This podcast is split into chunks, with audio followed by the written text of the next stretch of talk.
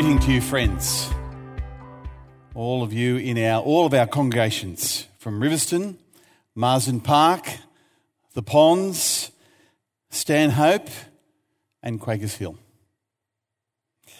We're trying something a little different over the next four weeks, and uh, it'll be showcasing the marvellous ministries of Life Anglican Church and our congregations and the unity that we have together as we partner in the Lord's work.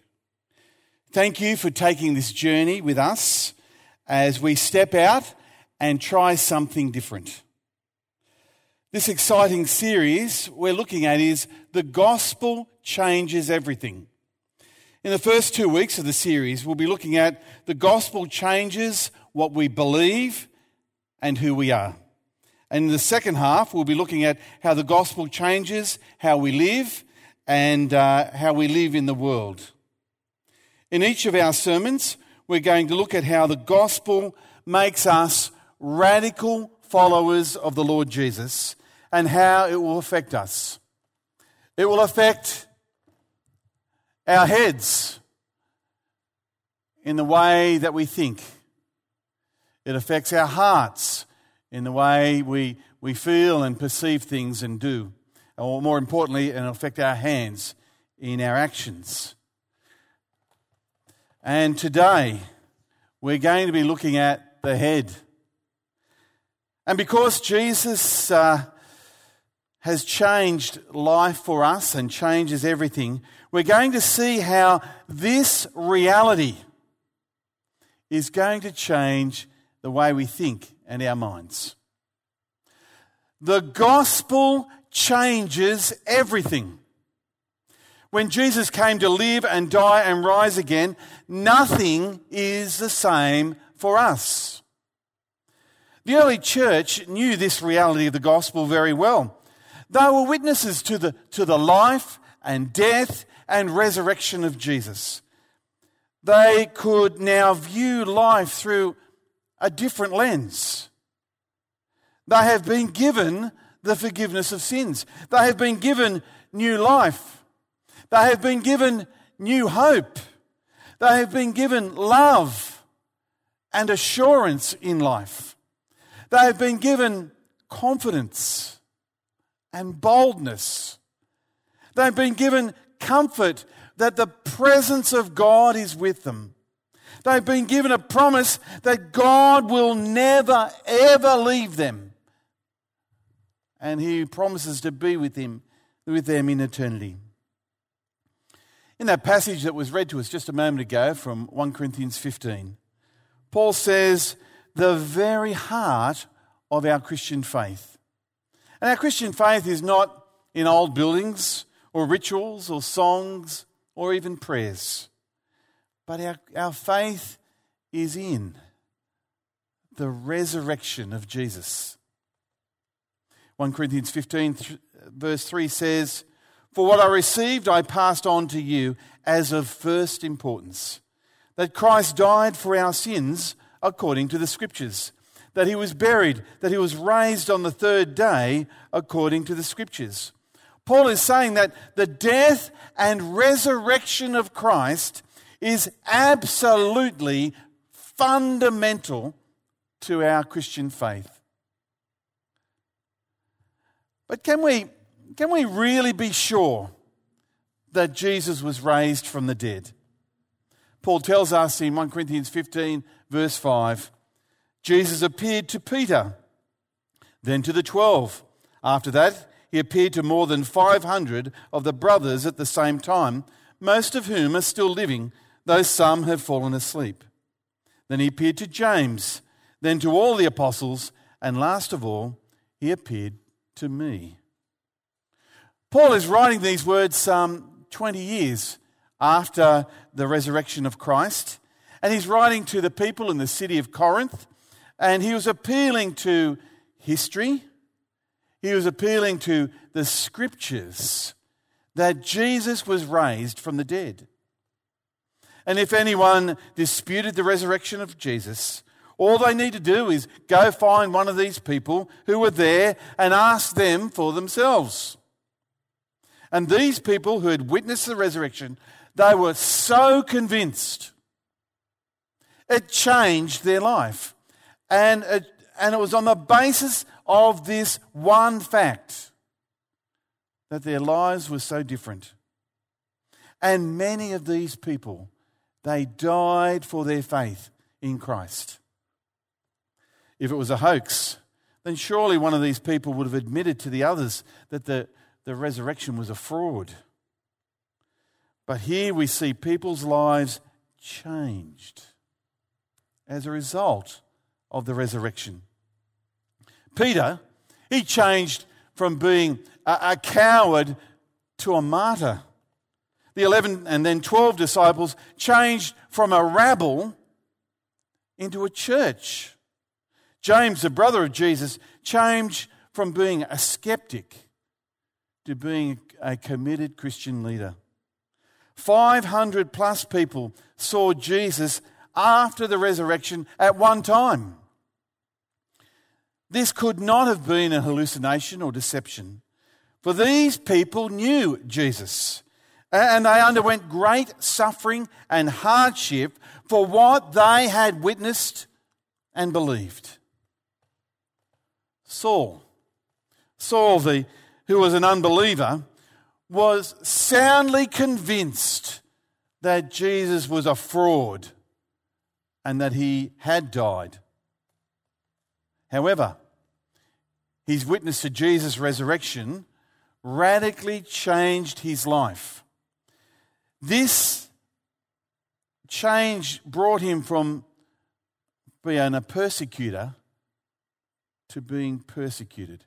This change from him bringing suffering on others, from him receiving suffering. One of the congregation is going to come up now and read to us from Acts chapter 9, verse 1. Saul was never the same. He had changed. He was hardened against Christ. He persecuted and killed Christians. And yet he was totally changed. We know that he was imprisoned, he was stoned, he went without, he was beaten, he was shipwrecked, he was betrayed, he was misunderstood, and eventually he was beheaded in Rome. God had changed a Pharisee, a Pharisee like that, to become a champion for Christ. God can change anyone. He can change you and me. Do you believe that? Do you? Can he really change? Can you really change? Yes, it is indeed remarkable evidence, not only that, that Jesus rose from the dead, but it's remarkable that he, he lives in the lives of people today and he is changing people today. All down through history, we're able to see that this transformation comes by personally knowing the risen Lord Jesus. This change comes because the gospel changes everything. Lee Strobel in his book, The Case for Christ. As a hardened, avowed atheist, he was an investigative journalist for the Chicago Tribune. He analysed the evidence, the, you know, the historical evidence of Jesus. In fact, a third of this book is spent on the evidence of Jesus' resurrection. And as a result of this man's research, a hardened atheist, he was soundly converted. He became a Christian. In fact, right now there's a film based on this book showing at Castle Hill Events Cinema this week. Go on, go on. Uh, if you didn't want to read the book, go and see the film. Let's see the trailer of that film right now. If somebody wanted to do an investigation into Christianity, where would you start? If the resurrection of Jesus didn't happen, it's a house of cards. You sure you want to give me that loaded gun? I'm pretty sure you're not going to be able to pull the trigger. I've spent my entire career as a journalist uncovering the truth until the day my wife presented me with the biggest story of my life. I'm not gonna lose my wife and my kids to something that I can't even reason with. And what happened next changed me forever. How can we even talk about historical evidence for the resurrection? The Gospels are filled with contradictions. The empty tomb is based on evidence. And isn't evidence your trade? We all bet our lives on something. The question is, what's it going to be? As much as I would like to help out a fellow skeptic, what you're proposing is impossible. Could Jesus survive being spiked to the cross? There is no evidence of anyone ever surviving a full Roman crucifixion. Just because I write something down and I bury it in the dirt, that doesn't make it true. What I felt was something more real than anything I've ever felt in my life. I'm praying for you. Do you really want to know the truth, or is your mind already made up? Stop blaming me and the church and God and do your job.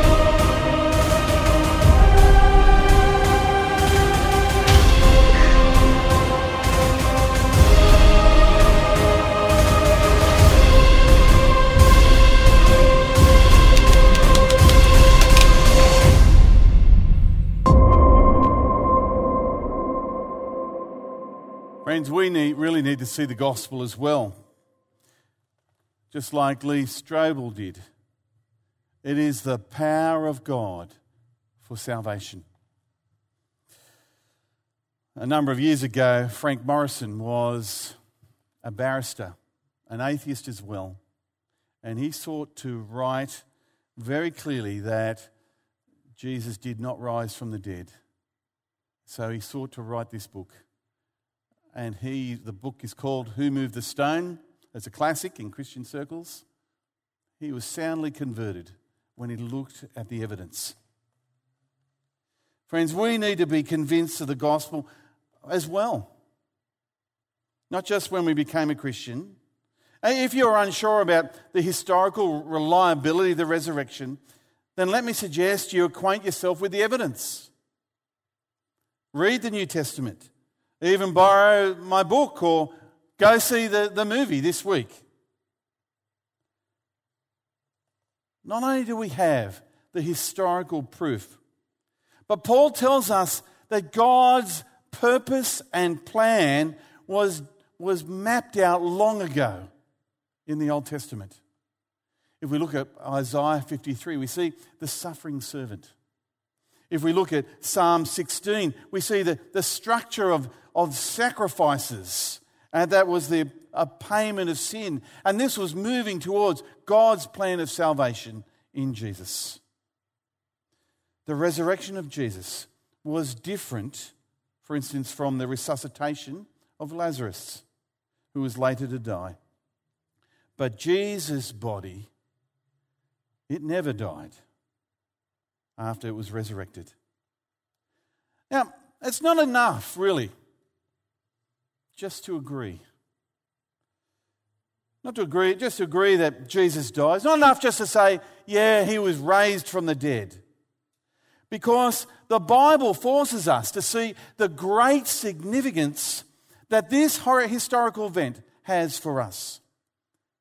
Jesus said in Luke 24, verse 46, This is what is written the Christ will suffer and rise from the dead on the third day, and repentance and forgiveness of sins will be preached in his name to all nations. Jesus' resurrection confirms and validates his purpose that he has power over life and death and, and has a plan and purpose of salvation for you and me. Friends, this is the great significance of Jesus' death. It confirms that the payment of sin has been paid for and God has triumphed for us. I want to say, don't leave that in your head alone. We cannot be unmoved by this fact, friends. It should call us to repentance and faith. It should make us see that the world is different. And that if we live the way the world is, it amounts to nothing unless we are in a relationship with God. We cannot be unchanged knowing that Jesus died and rose again. We must see that God is working in history and He has His plan and purpose to bring His people to Himself. We must have this firmly implanted in our minds. It sets the direction of our life and our actions. This means, this means God can use anything to bring people to Himself. This means that irritating brother in law of yours who thinks he knows everything about God but has rejected him. He can be changed by God. Atheists, Muslims, Jehovah's Witnesses, Buddhists, Hindus, drug addicts, murderers, and just the, the average Australian hedonist who lives their lives for the moment or their football or leisure, they can be changed. All of them can be changed that rebellious child of yours, that husband who says of yours who says, Religion's not for me. And they're a bunch of hypocrites anyway. No one. Nothing is too great for God.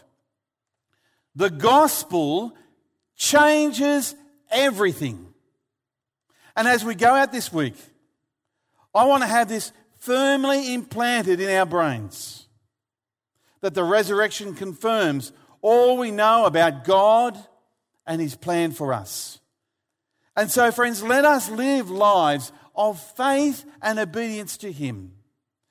Let us not trust ourselves and our own abilities, but in God who is at work in history, who is at work in you and me, and many, many others in this world today. Even those who have hardened their hearts to God. So have confidence, friends, in Him. Live out this truth and pray for yourselves and pray for others that we and they might bow the knee to our Lord Jesus and follow Him. your congregational pastor is going to come up and say a few words and conclude now and, uh, and then finish in prayer.